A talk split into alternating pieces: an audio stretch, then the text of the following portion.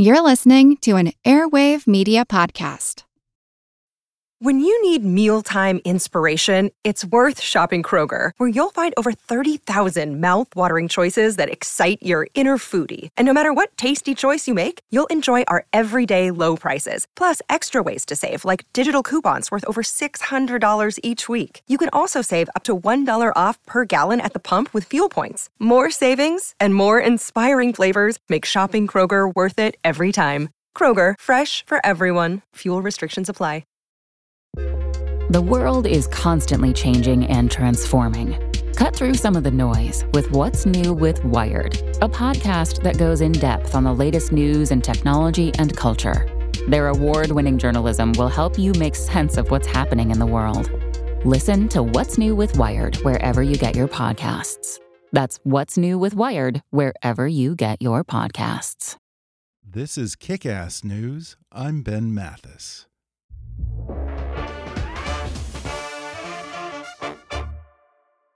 What is technology doing to us? How does it affect our ability to work, to be present, to connect to one another? Podcaster Alia Tavakolian wonders about these things all the time, and tech journalist Bob Sullivan has spent his life finding the answers. Their new podcast, So Bob, is your opportunity to ask So Bob, how can I live a better digital life? Follow So Bob on Apple Podcasts, Spotify, Stitcher, or wherever you listen. And now, on with the show. I want to meet the people risking everything You know about the camera? It's like high school all over again. and see just how far they will go for their cause. What can people like me do to help out a situation like this? Listen, Say that again. listen. Listen. Okay. That uh, Maybe this is where I belong, Uh, I've been told I have a face for radio. You do. with people willing to risk everything. Oh so you guys are arrested. We're getting arrested. Is there any way to stand beside you, but courageously sit down a little bit in the back? No. No. no. Hi, I'm Ben Mathis. Welcome to Kick Ass News. That was a preview of Comedy Central's new docu-series Klepper, which airs Thursdays at 10:30 Eastern. In his new show, Jordan Klepper, former Daily Show correspondent and host of Comedy Central's late-night show The Opposition, is leaving the comfort of the studio to embed on the front lines of America's push for change and ride shotgun with America's resistors, contrarians, and dreamers. Klepper explores America's most pressing issues, from veteran deportations and discrimination in the burgeoning marijuana industry to the contemporary space exploration landscape and gun toting guerrilla activists. And today, Jordan Klepper returns to the podcast to talk about the end of his late night show, The Opposition, and what it's like to get out from behind the desk and get uncomfortable out in the real world again. He tells the story of a wrestling club in Texas that's helping veterans body slam their way through PTSD, what it says about how vets get treated by the VA and by their fellow Americans, and what it was like when Jordan got in the ring with them himself and promptly got his butt kicked. Then Jordan recalls sleeping in the swamp for two nights and capsizing his boat in the middle of the Louisiana Bayou as part of a direct action protest against an oil pipeline. He explains how the state of Georgia is making life difficult for children of undocumented workers who just won an education, how they're looking to the civil rights movement of the 60s for inspiration, and even forming their own university.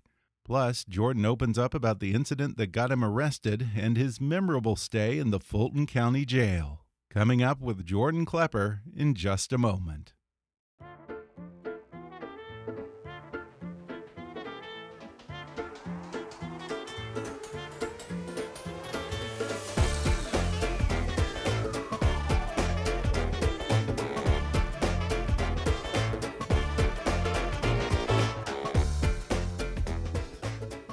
Today, I'm happy to welcome back to the show the kid from Kalamazoo, Jordan Klepper. You know Jordan from his memorable appearances as a former correspondent on The Daily Show, for his one hour investigative comedy special, Jordan Klepper Solves Guns, and more recently as the host of The Opposition with Jordan Klepper. Now he's traveling the country to explore our most pressing issues and talk to the people on the front lines fighting for change in his new series, Klepper, which airs Thursdays on Comedy Central. Jordan, welcome back to the podcast. Ben, thanks for having me. Good to be back. Well, your previous show on Comedy Central was a more traditional late night talk show that lasted about a year. And in your new series, Klepper, you seem to make a lot of semi self deprecating jokes about not being behind a desk anymore and getting outside of the studio. You seem to have a pretty good sense of humor about it at this point. Uh, how do you look back on that experience now? Well, I mean, I think I better have a good sense of humor about all of that. I mean, I, I look back, I, I love my time at the opposition. That was one of the most rewarding jobs I've had with a, a, a great cast of folks and a show I was really proud of. Um, and it was really fun to be behind a desk to craft a show in a, a, daily show type format, in that it's day in day out. You're in front of an audience at 6:30 every night, uh, rain or shine it, it left me missing getting out into America and mm. spending time with people, telling those stories, being on the road. I then go on the road. I then enjoy being on the road, but then I also realize that being on the road is a little more difficult and a lot less comfortable than, say, being behind a desk. So those yeah. moments of levity where I look at the camera and, and perhaps grumpily say, I used to be behind the desk, there's some pathos in that. Uh, yeah, I mean, definitely, it's a lot more work if you're traveling, and of course, all the pre-production that must go into a show like Klepper. It's a it's a it's a totally different beast. Like mm-hmm. we um, you know, we approach it, and the pre-production is all about it's all about research. It's about following up on stories, finding characters, finding angles, finding ways in which we can approach a story. And then a big part of this entire season and this entire show was to go to a place where something is happening. So it's not just people retelling a story; it's me there, a part of that story and it, it, it, takes a lot to find the right people and the right stories that we can speak to and then and then you spend all your time out on the road um, you know approaching it much more like uh, making a documentary than a traditional field piece. So it was it was much more immersive. I was mm-hmm. i was out and about for for the last six months. Um, uh, my wife complained about that a decent amount. I was i never around at home but she knew i was doing it for the the betterment of society. So or at least that's what i told her. And i hope other people will concur. Ben concur please. Yeah, and this is definitely in line with what most of your career has been spent on as a correspondent for The Daily Show or your Comedy Central special, Jordan Klepper Solves Guns.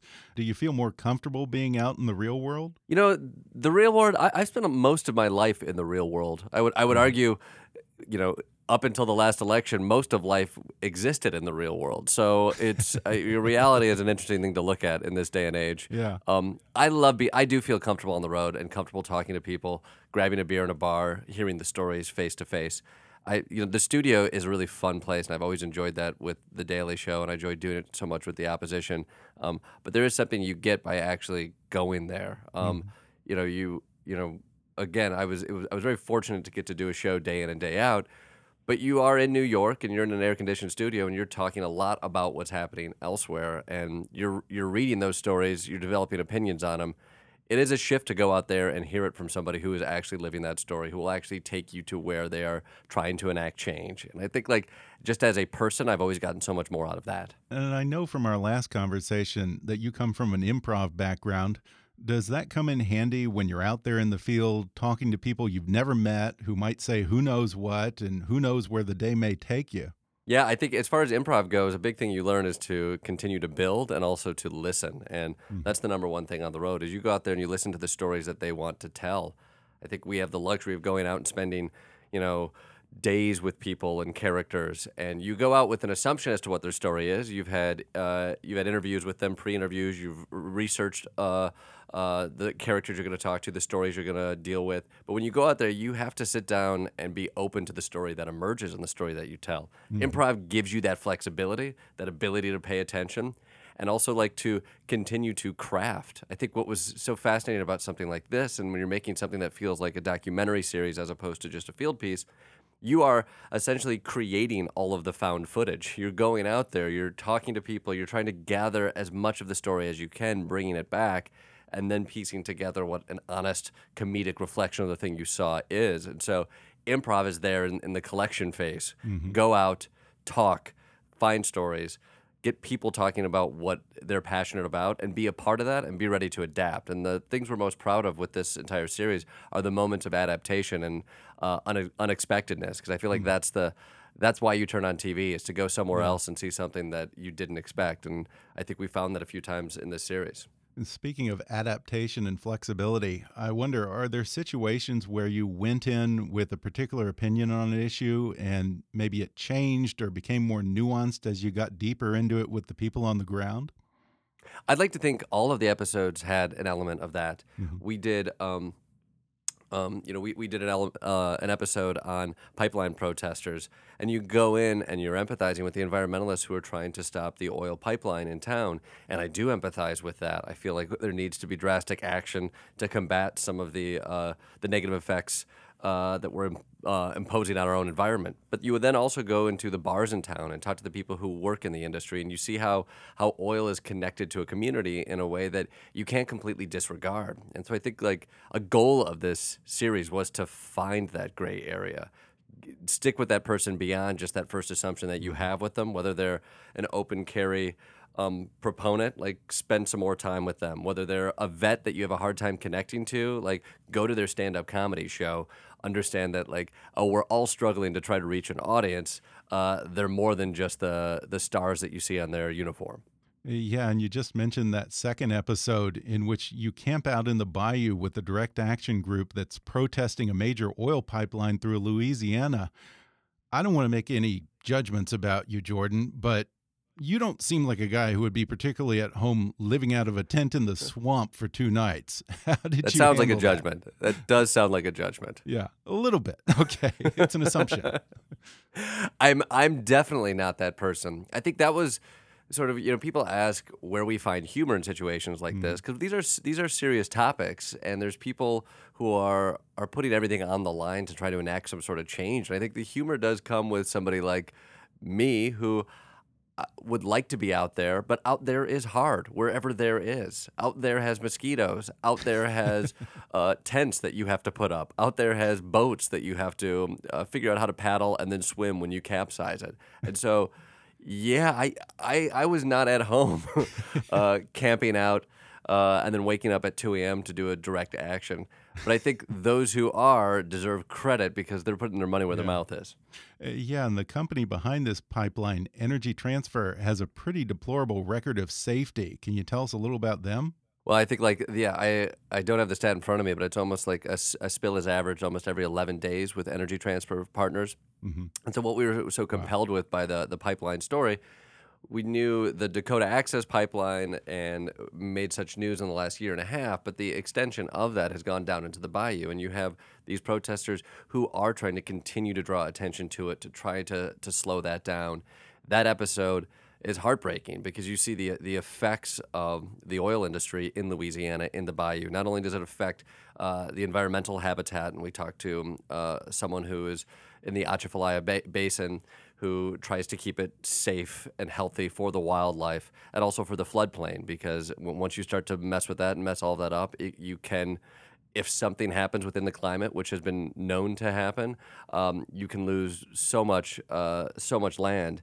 And then we also went down to a place that is sadly known as Cancer Alley, and because of the preponderance of the oil industry down there, you have a lot of people who have uh, come down with mysterious ailments because of the air quality, and they're just they're trying to speak out. Um, but it's a big business down there in Louisiana, and there's yeah. uh, there's a lot of money, and a lot of that money goes right up to the state. And I think like wherever you can give voice to the people who are just trying to be healthy, who are just trying to protect the place they grew up to, I think you have to look to give that voice. Uh, yeah, these protesters are kind of brave taking on a company like Energy Transfer because they are right there in the heart of oil country, and energy companies probably employ a lot of people down there in Louisiana. Um, I have to imagine that there were probably some people who weren't too happy to have them down there and maybe looked at them as some kind of carpetbaggers. Did they encounter a lot of pushback from the locals? That there was a lot of discussion about specifically that issue. Is you you had people who were from the area, and mm -hmm. the the main protesters um, who were there, who were the pipeline protesters, were indigenous women who were from the area and and pushing back because this was land they had a connection to.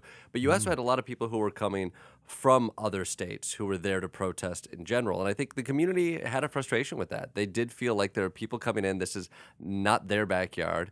But then you would put that question to the protesters, and their response is just like, this is everybody's issue. And it, if it mm-hmm. injustice, if it is infecting the earth and it is infecting other people, you have to fight for this if you have the opportunity. And I think that tension exists in a lot of places Yeah. around this country. Of like, you know, these things affect more than just the people in their communities.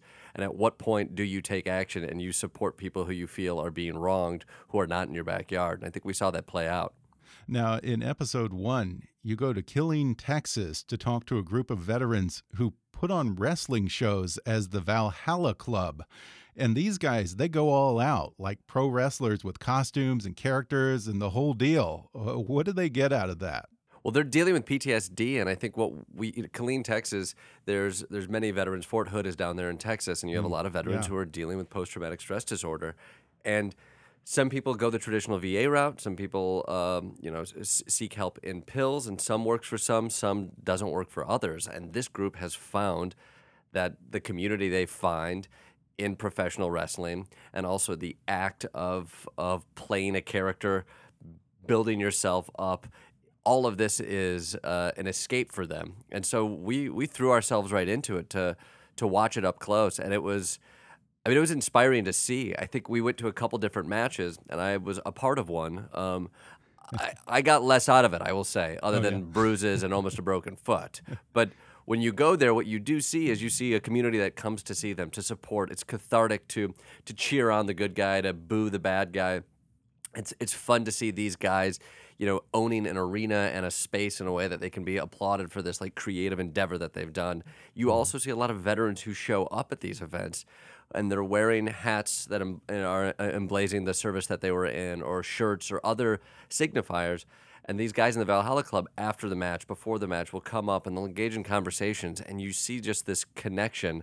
Um, that when I talk to these guys, that's the thing they miss. Like, if, you know, uh, the, the guys from the Valhalla Club served in Iraq, and they talk about the community they had over there and the ability to connect with other people who had been through things that they that people back home can't relate to. And it's an odd place to see it happen, but in the middle of Texas, in a professional wrestling wrestling ring, to see veterans come together and be able to be like, "Hey, I like what you do. Can we talk for a few minutes?" Like those things.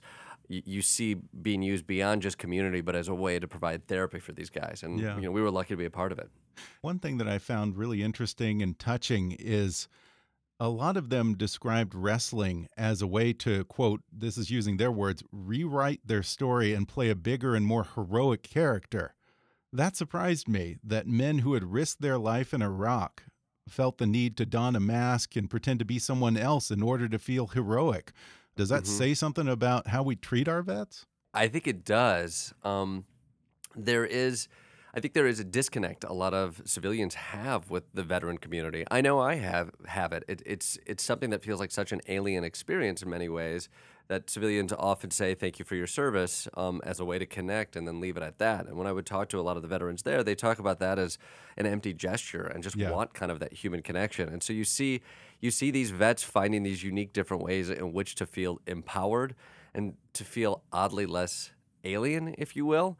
And it, it does sound silly and ridiculous that it's like, oh, these guys, you're putting on face makeup, you're you're wearing spandex, and you're getting into a ring, and that is what gives you some humanity and the ability to feel like a hero there. But it's also something that you see like their family coming to and seeing them excel at, like a, a, a thing that shows Yeah. both athletic prowess and physical achievement without being inherently violent. Like it's things that are palpable to an audience and to family members who might not have been able to understand their experiences in Iraq, but they can see them be a hero uh, there in Texas. And, and yeah, I think in the beginning of that episode, you admit that you have trouble with uh, saying thank you for your service or, or just the awkwardness of it, of the empty gesture. Um, when you talk to vets, do they feel that it's kind of a bullshit gesture? And uh, what would they like people to do in place of that? What would have more meaning for them? You know, I think uh, a lot of the vets that I've talked to, I think understand where it comes from, and I, I it, it might be extreme for me to to say that they feel that it's bullshit, but I think they feel that it, it feels empty at times, and they know it comes mostly out of people's uh, people's either nervousness or just a general sense of respect. Uh, I talked to Bryson down there in the, with the Valhalla Club, and I think some of the things they talk about is like, you can thank me for my service. Yeah, what I really right now need right now is a job? Do you know ways in which you can help a veteran by giving them access to employment? Do you want to just talk to me beyond the the weird wall we put up because of the service that I did and just connect with me for a few minutes? Like like all human beings, they want connection, they want opportunity, and sometimes thank you for your service can be like it, it almost lets us civilians off too easy. Like it's the mm-hmm. it's a good thing to do. We should respect our vets. But Sure. beyond thanking them for their service, can you take that extra step and connect with them about something beyond their service? I think that's that's the first step. Yeah, I can't remember where I heard this, but somewhere along the way, I was talking to a guest who probably, I think, did a documentary on vets. And one of the vets said something along the lines of instead of thanking me for my service, ask me about my story.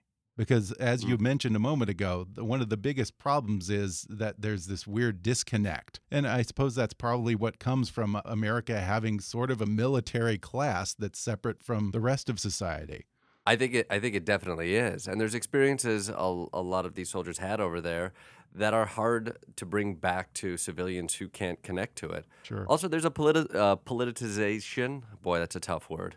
we we politicize our uh, our military. At least it feels that way. When I talk to these vets, though, you know, the idea of Democrat or Republican didn't come up. You know, they don't want to engage with comments most of the time with discussing the executive branch or what have you. They're over there to do a job, and their job is to protect the people around them and to serve for this country. And so I think it's often civilians who bring um, a political element to it or, or see it as something that could be dicey because of that. And I think that gets in the way of what's actually happening there. It's like connect with these people about so many other things that's not the baggage you bring to it.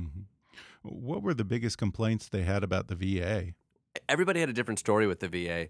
Um, most of it was the red tape. I think there's, you know, some veterans have had great experiences. Uh, uh, many of them had problems uh, with the ability to get in to see doctors, the wait time. Um, some felt like it was overworked in a way that, like, some of their issues, whether it was PTSD or other issues they were having, were dealt with in a quick blanket way that's not kind of taking in the entire individual there.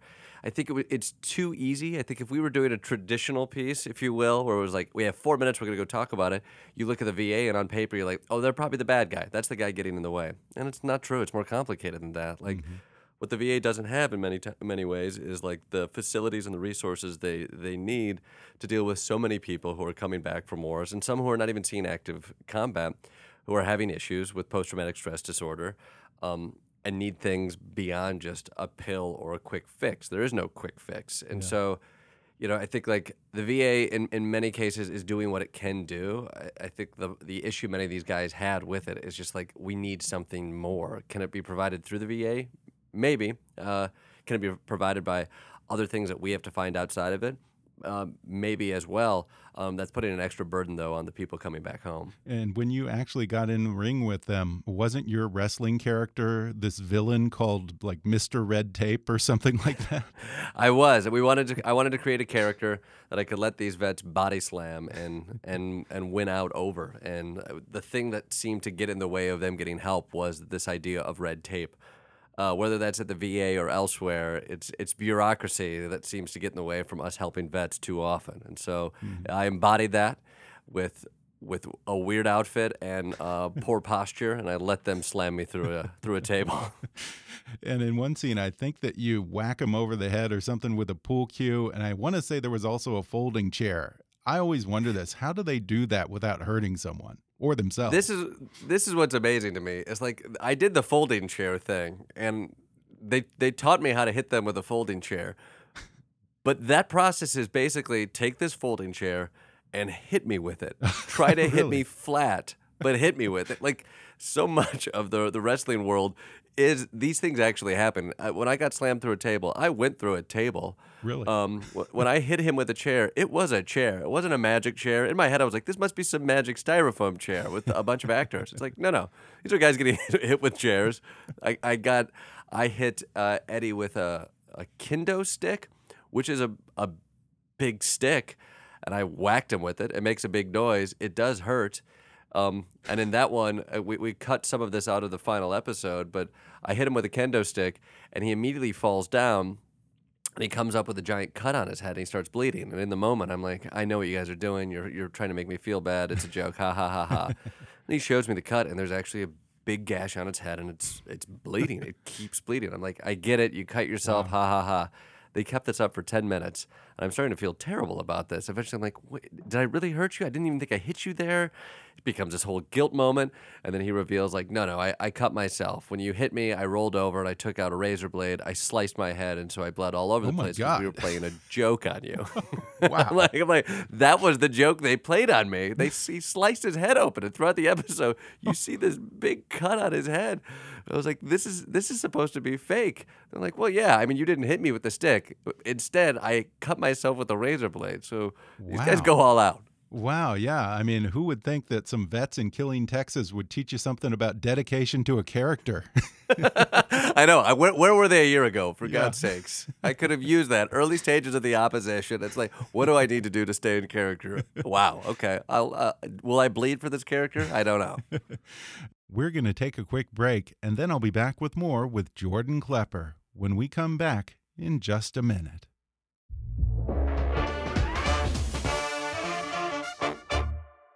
If you don't know SiriusXM, then listen up. SiriusXM brings the deepest variety of commercial free music for every genre and for every mood. Where you hear the biggest names in talk, entertainment, and comedy, where you get news from every source. Now, I know what you're thinking. Don't you need a car to enjoy SiriusXM? A lot of people think that, but you don't. You can listen outside of the car. And right now, you can get your first three months of SiriusXM outside the car for just $1. Just go to SiriusXM slash kick to see offer details and to subscribe. For one buck, you can listen to SiriusXM on your phone, at home, and online. So anywhere you are, any time of day, you can hear your favorite songs or discover new ones. Go to Sirius, S-I-R-I-U-S, X-M dot com slash kick and get your first three months of SiriusXM outside the car for $1. See offer details, offer available to new SiriusXM streaming subscribers. SiriusXM, no car required. And now, back to the show. And you also talked to a veteran who was a combat medic in Iraq and now he's doing stand up. How does he find humor in talking about all these serious and traumatizing events he experienced? I mean, he talks about his name is Eddie, and he he's fascinating, uh, a man of many talents. He he talks about like it being cathartic for him. I think he likes the the rush of getting out there. Um, but he he loves like I went and watched him. He loves walking on out there and addressing the elephant in the room. When he's a big tough guy, he looks like a vet. He's ripped as all get out. He's wearing um, Wounded Warriors polo. So like you see him and he calls it out right off the bat about like I know what you think I am. I, I know all the assumptions you have and I think the the purpose of comedy in a position like that is how do you subvert all of those expectations. And so I think it was really potent to watch a vet up there doing stand up because it is just that. You walk on stage and you're going to see a bunch of comics who all have similar experiences that I have of like, I'm going to talk about airline food or uh, some of the frustrations I had about uh, logging onto Starbucks Wi Fi. And then up walks a vet who's huge, who's a combat medic, who's going to talk about what it's like to shit himself in Iraq uh, because a, a- a bomb had gone off nearby. And immediately it's compelling. Now the challenge is how do you take that reality, put an audience at ease, and also kind of humanize yourself. But it's it's a great way though for again to break down that that barrier between citizen and vet, and I th- I think comedy is, is such a nice way to do it. Now, I have to mention episode three. That's a, a- an interesting one that kind of made some headlines. You visit Georgia, where undocumented immigrants and I think DACA kids aren't allowed to attend state colleges. What was the Georgia Board of Regents' reasoning for banning them from college? Well, Georgia has some of the strictest uh, anti-immigration laws in in the nation, and I think like they they've a- a- as as we may know, based on some of the uh, more fun campaign videos of the last campaign, uh, Governor Kemp just came in, who whose whose very famous campaign video was literally him in a truck talking about how he wants to drive around uh, and pick up uh, immigrants.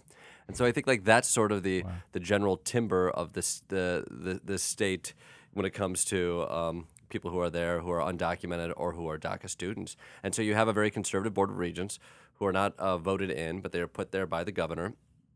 and they are hardline. And so, uh, unlike most other states, they deny to a couple of the major um, major colleges and universities in Georgia, they deny access to undocumented DACA students, and it's really heartbreaking to see. There's, uh, but in that heartbreak is also inspiration. The there's uh, a thing called Freedom University that has built out of what, what happened during the civil rights Freedom Universities back in the 60s. Um, it's an underground university that teaches these students who can't go to these local universities. It gets them college ready, it looks for other college opportunities, and it teaches them on the weekends. And they come from all over because they want to learn and they want to succeed. And so um, I was lucky enough to get to spend some time with them and and you want to stand up for students like this who don't have a voice, who want to give back to our culture, and you have a culture that's treating them like second class citizens. It's treating them like people who don't pay taxes and who don't want to better this country. And I think yeah. you spend spend a few days with these students, and these are the best of the the students in our country, and we should we should give them and give them the opportunity to to have that education. And the Board of Regents meeting was one that I attended, and along with other faith leaders and teachers at the school, I stood up with them. And when you stand up with uh, folks like that in Atlanta, they uh, they lock you up and throw away the key, or they found the key, yeah. but it was it took about twelve hours later to find it. yeah, you made a lot of headlines with this episode because you actually did get arrested. Uh, talk a little more about the event that led to that. Well, it was the Board of Regents meeting, and uh, again, there were, there were local faith leaders um, who showed up, who wanted to give voice to the students, along with teachers from Freedom University who also showed up. And during the Board of Regents meeting, there was a uh, a prayer to start the meeting, and one of the faith leaders stood up and continued that prayer and asked people to to look out for those who um, who want an education, who are undocumented. We should protect them as well. Uh, education, not segregation, was the the theme of the prayers, and and one by one, each of the faith leaders and the teachers stood up, continued the prayer. I stood up, and as I'm not a man of God, but a, a I'm a man of Viacom, and so I stood up and I uh, I didn't reach towards God, but I reached to, uh, reached towards a common human empathy, and at that moment they pushed me out along with the other um, pastors and teachers, and we continued uh, there in the the governmental building, continuing the prayer, making a statement, and um, and with that they they handcuffed us all and took us off to uh, the county jail. Yeah, and I kind of felt sorry for I don't know what he was, a deputy or whatever who was there, and because he he said to you, he said, "Look, I get it. I actually sympathize with your cause, but I got to do my job." A hundred percent. I mean, the, the police officers who took care of us there uh, said just that. They made it very clear. These are the lines. If you step over these lines, we will arrest you. And this is what we have to do. Yeah. They treated me fairly uh, and kindly throughout the whole process, and even when I was in jail, like the people at the jail who had kind of heard what I had done and what some of the pastors had done, like they, they spoke with reverence and respect for those actions. Like they yeah. all had a job to do, and we weren't we weren't there to to upset those folks. We were we were there to draw attention to the people who actually had power in that room. Yeah. Um. But but but that is a town that is a you know Atlanta is a town with a lot of history, and mm. they and a lot of people, a lot of faith leaders have stood up over over the decades to draw attention to these things. And so when even you might not get love in that room from the Board of Regents. Uh, folks, but you do with the other members in the community who who want people to stand up for what's right and what's just. As one of the epicenters of the civil rights movement in the 60s, do they see parallels between the black civil rights movement and school integration way back then and the struggles of undocumented immigrants today? They do. And I think that's part of what actually inspired me.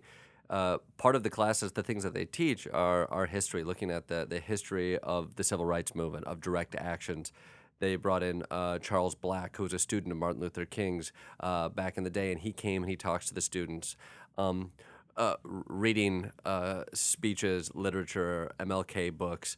Like these students were very aware, and when I when I talked to their um, their teacher, Dr. Emiko, about this, you know, some people from uh, the right don't like these ideas, or like, are you just trying to are, are, are, you trying to create protesters and activists out of these students? And she's like, you know, we teach all subjects, but we do teach the civil rights movement and we do teach the importance of protest because for students like this, we don't see this as a luxury. This is a necessity. This is how they mm-hmm. get their voice heard. And I was down there and I marched with them on the uh, Martin Luther King Jr. birthday, which is an amazing event in Atlanta. And you go to Ebenezer Church and you you talk to people and the civil rights movement is still very alive down there and you see how it has affected that community. And even talking to the other faith members in that community it was really moving for me. I mean I joked about it earlier I'm I am I'm not religious um, but seeing what these faith leaders do their role in the community goes beyond just providing uh, religious support to a community. They see themselves as a voice and as a beacon and as a community that has to that has to consistently push back against people who are uh, trying to silence other people. And so I was I was incredibly moved by that history, and it felt very present today with the students at Freedom University. On a side note, in that episode, you actually call out Georgia because at one point, I guess they suspended immigration enforcement during the Atlanta Olympics, right? Yeah, it's an insane detail. Like as as you they needed, as we as we may remember back in the day when Atlanta held the Olympics there, you know, they were behind schedule, so they uh, they relaxed immigration laws to get more uh, undocumented people to come into Atlanta to help build up the Olympics to show off the great city of Atlanta, um, and you had an influx of people to come and to work. A lot of the students that even come to Freedom University, many of them, uh, their parents came over around that time to try to make this oh, yeah. a better place. And I think that's like a history. Uh, this is what our country does. It's like we rely on on people from other countries to come on in to make our lives easier, better, our cities more beautiful, more ready for the world to see, and then we push them in the corner. And I think like it's it's shameful. Mm-hmm. And so like you like we and we keep doing it over and over and over again. And we delegitimize the experience of so many people who helped build this country. Like it's what we yeah. do as Americans. We need to stop doing it, and we need to learn from some of this history.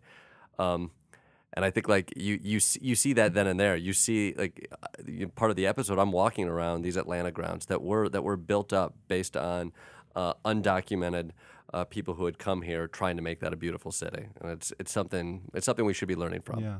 At one point, you talked to an anti-immigration activist, and what he keeps saying is that he just wants to make life as hard as possible on undocumented immigrants and just make them miserable in hopes that I guess they'll give up and go away. It it feels like a lot of the the anger that comes from the right pushes pushes back and, and, and tries to yeah tries to make every little every little step that much harder for people um, which also to me comes as like this. Uh, this, this hypocritical action as well, because even the far right will push this idea of assimilation, um, and you have people who are like, if what you really want is this very loaded term of assimilation, of you want people to come over and be a part of our culture, like you know we, we didn't even have time to look fully in this episode but in talking to him about um, uh, he was very much a proponent of like english first and and these types of programs that really push like I want people to come into America and learn our ways. Mm-hmm. And at the same time you have these students whose entire goal is to like be educated, be productive. They're already taxpayers.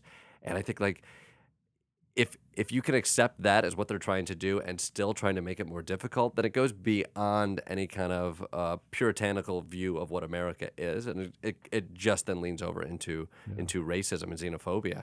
And I think when I talk to these students, a thing that kept resonating. Like I talked to, the, I remember being 18 and wanting to go to college. Almost all of these students wanted to do some sort of social work. They wanted to be teachers.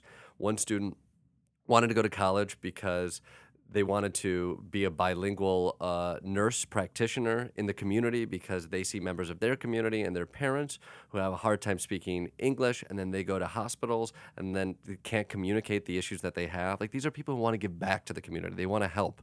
They're not trying to go to college to become Wall Street uh, bigwigs or ad execs or dumb Comedy Central hosts. They're going to college to try to give back to uh, their own community. And I think like it's just infuriating that we we are trying to stop people from doing that. It's like look around. We have kids who want to learn. They want to give back. Those are the people we should be fast tracking to learn so they can give back because we need it. Absolutely. Well, you know, I have to ask. I don't want to make you uncomfortable, but I do have to ask Jordan. How was jail? Did you have any experiences that we might recognize from Oz or Shawshank? I did. I'll say right off the bat, you walk in there and there's a strip search and there's a cough to see if anything falls out of your butt. It happens like Really? immediately. I think like you walk into a room and they line you up, and it's me and a bunch of pastors. And they take us one by one into a room. They leave the door ajar so nothing funny happens, and then you're hearing coughs and and and clothes being taken off. It's like I I was like, oh wow, oh oh yeah. Oh, I, I guess I kind of thought this was a, a you know this was something that is maybe embellished for television. It's like no, that's that's the case. Yeah. Uh, do- can I correctly assume that nothing came out? You can correctly Okay. assume. I, I I passed the the two, the two cough threshold, Yeah. and my anus was clear. Well, in a related episode, uh, which I have not seen yet, but I understand that you also do an episode on military vets who've gotten deported. You know, I have to think what what happened to we support our troops. Uh, I- personally, I don't even understand how that's possible. it's it's a wild story. I mean, it, it we we look at there are there are veterans uh, who who serve this country, and as you know, if you if you serve this country, it is basically set up where you get to become a citizen of this country. Yeah. But you have many people who assumed they automatically became citizens, um, but the paperwork didn't go through. They didn't uh, they didn't officially become citizens after their time, and then they found themselves uh, on the other side of the law at one point, serving their time. Uh, some of these people had petty offenses. Some of these people like a check bounce and they go to jail, um, and then they come on out and they get deported. Um, and it's shocking. There are people who like put their lives on the line to fight for this country, and and now they're gone and they can't find a way back into this country. And so it was a really uh, jaw dropping story that we read about. Um, it was as we pitched stories, it literally was pitched. It gave the title of the story, and usually we say like, write a little bit about um, what we would what we could talk about in this episode or why it's important. And literally all all the, all we wrote was deported fucking vets. I was like, yeah, I think that's the story right there. And and we went around the country. We followed somebody who was um, trying to bring attention to this because not a lot of people know about this. We went to Tijuana and talked to veterans who are in a place called the Bunker, uh, which is where the veterans basically gather to try to find community again and try to find ways in which they can talk to their families and if there's any kind of way in which to reach out to. There are some Congress folks who um, are sympathetic to this cause. Uh, Tammy Duckworth is, is one. They keep trying to bring it up. Elizabeth Warren has spoken a little bit about this, but it's a dicey it's a dicey topic because it's dealing with immigration. It's dealing with vets, which it seems as if Americans are all 100% behind. It's also dealing with the criminal justice system. And so if you've committed a crime and you've done your time, people are usually you can get back on with your life, but it it it, it, it makes it a, a less politically advantageous or politically clear issue for a lot of people, and so it kind of just gets swept under the rug. Yeah. So we we tried to talk to some of those vets and bring some some light to it. Well, let me ask you this, Jordan. Having embedded with people who have actual skin in the game, who are true activists, protesting, and in some cases risking their freedom for what they believe in, do you think there's a lesson here for a society that's full of righteous indignation on Twitter and eager to virtue signal on their Facebook, but may be a little more reticent when it comes to actually getting off the couch and showing up when it matters? Yeah, we talked a lot about that with making this show, and I'm right along with them. I think, I, I, I think the time, the time to stand up and make your voice heard is now on on all sides. I think you see a country of people who are frustrated with the way America is going on mm-hmm. the left and the right, but you see a lot of people taking action through their phone, and sometimes that can be a positive thing. Sometimes you can gather positive support. You could raise money for just issues. Um, what was really inspiring about this was seeing people who actually get up off their ass and do something about it. And it's hard. Change is really hard and it's uncomfortable and it doesn't always go as you want it to go. There is no such thing as perfect protest, and some protests you which was more effective than others. Um, and I think a, th- a real theme of this entire series is you kind of watch me up close with some of these things. Some of these are situations that I'm a part of. Some I'm just as close as I can get, and you can you get a, a little glimpse as to what people are actually doing day to day uh, with the movements that they they're a part of. And I think there's hope to be found in that. I think uh, uh, we are a country full of fighters. We're a country full of resistors, people who want to push back, who want to remake the country into a better image, the way in which they see it. And I think like that's not an easy thing to do, and you can't necessarily do it on your couch. And so I was moved by people on both sides of the aisle making this this series because there are people out there who are fighting, and they're not just talking, and they're not just bitching, and they're not just retweeting. They're fighting, and I think that spirit, uh, hopefully, that comes through. Well, I really enjoyed what I've seen of the show, and I think folks are going to really like it. It makes you think, it makes you laugh. Before we go, I also want to point out that each episode is accompanied by a filmed podcast, too. Uh, do you want to plug that as well? I do. I mean, we've gone that extra step into a podcast where we're now filming it and putting it out. So we're essentially making television out of a podcast. So take that, America. um, actually, we're, we're really excited about it. If people are, if they enjoy the series and compelled by these stories, like each podcast is sort of a chance for us to talk about some of the things that happened off camera and also how some of these stories came together, mm-hmm. the things that we couldn't include in the episodes, also the episodes that we think, like the things that we think worked, the things that we think could have worked better. I think like it's there's a lot of meaty topics and there's a lot to unpack and we only have 22 minutes to do it and so we try to have a pretty frank conversation after each episode about like the process of trying to tell these stories in that small amount of time so yeah. if you're if you're curious about like how the sausage is made and also about how whether they're, the sausage is being made correctly we kind of dive into that uh, and those those pop up uh, right after every episode airs on Thursdays. Good stuff. Well, Jordan Klepper's new series Klepper airs Thursdays on Comedy Central at 10:30 Eastern. Jordan, it's always fun to have you on. Thanks for coming back. Thanks for having me.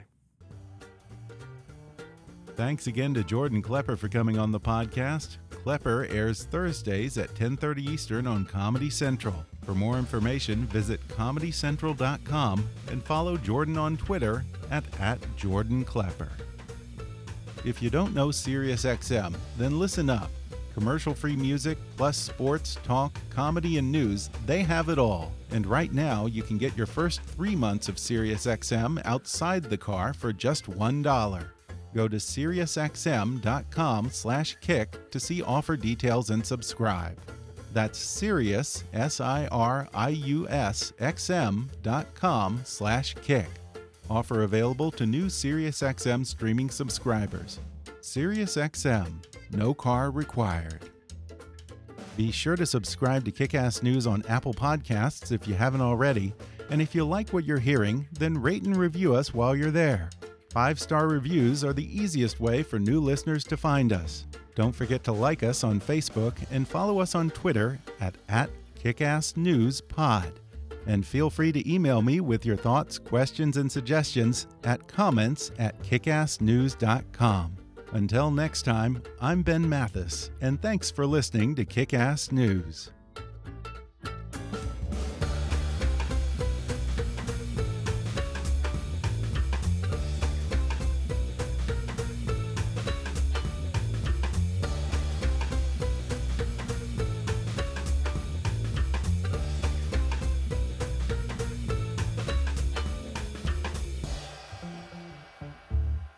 Kickass News is a trademark of Mathis Entertainment, Inc.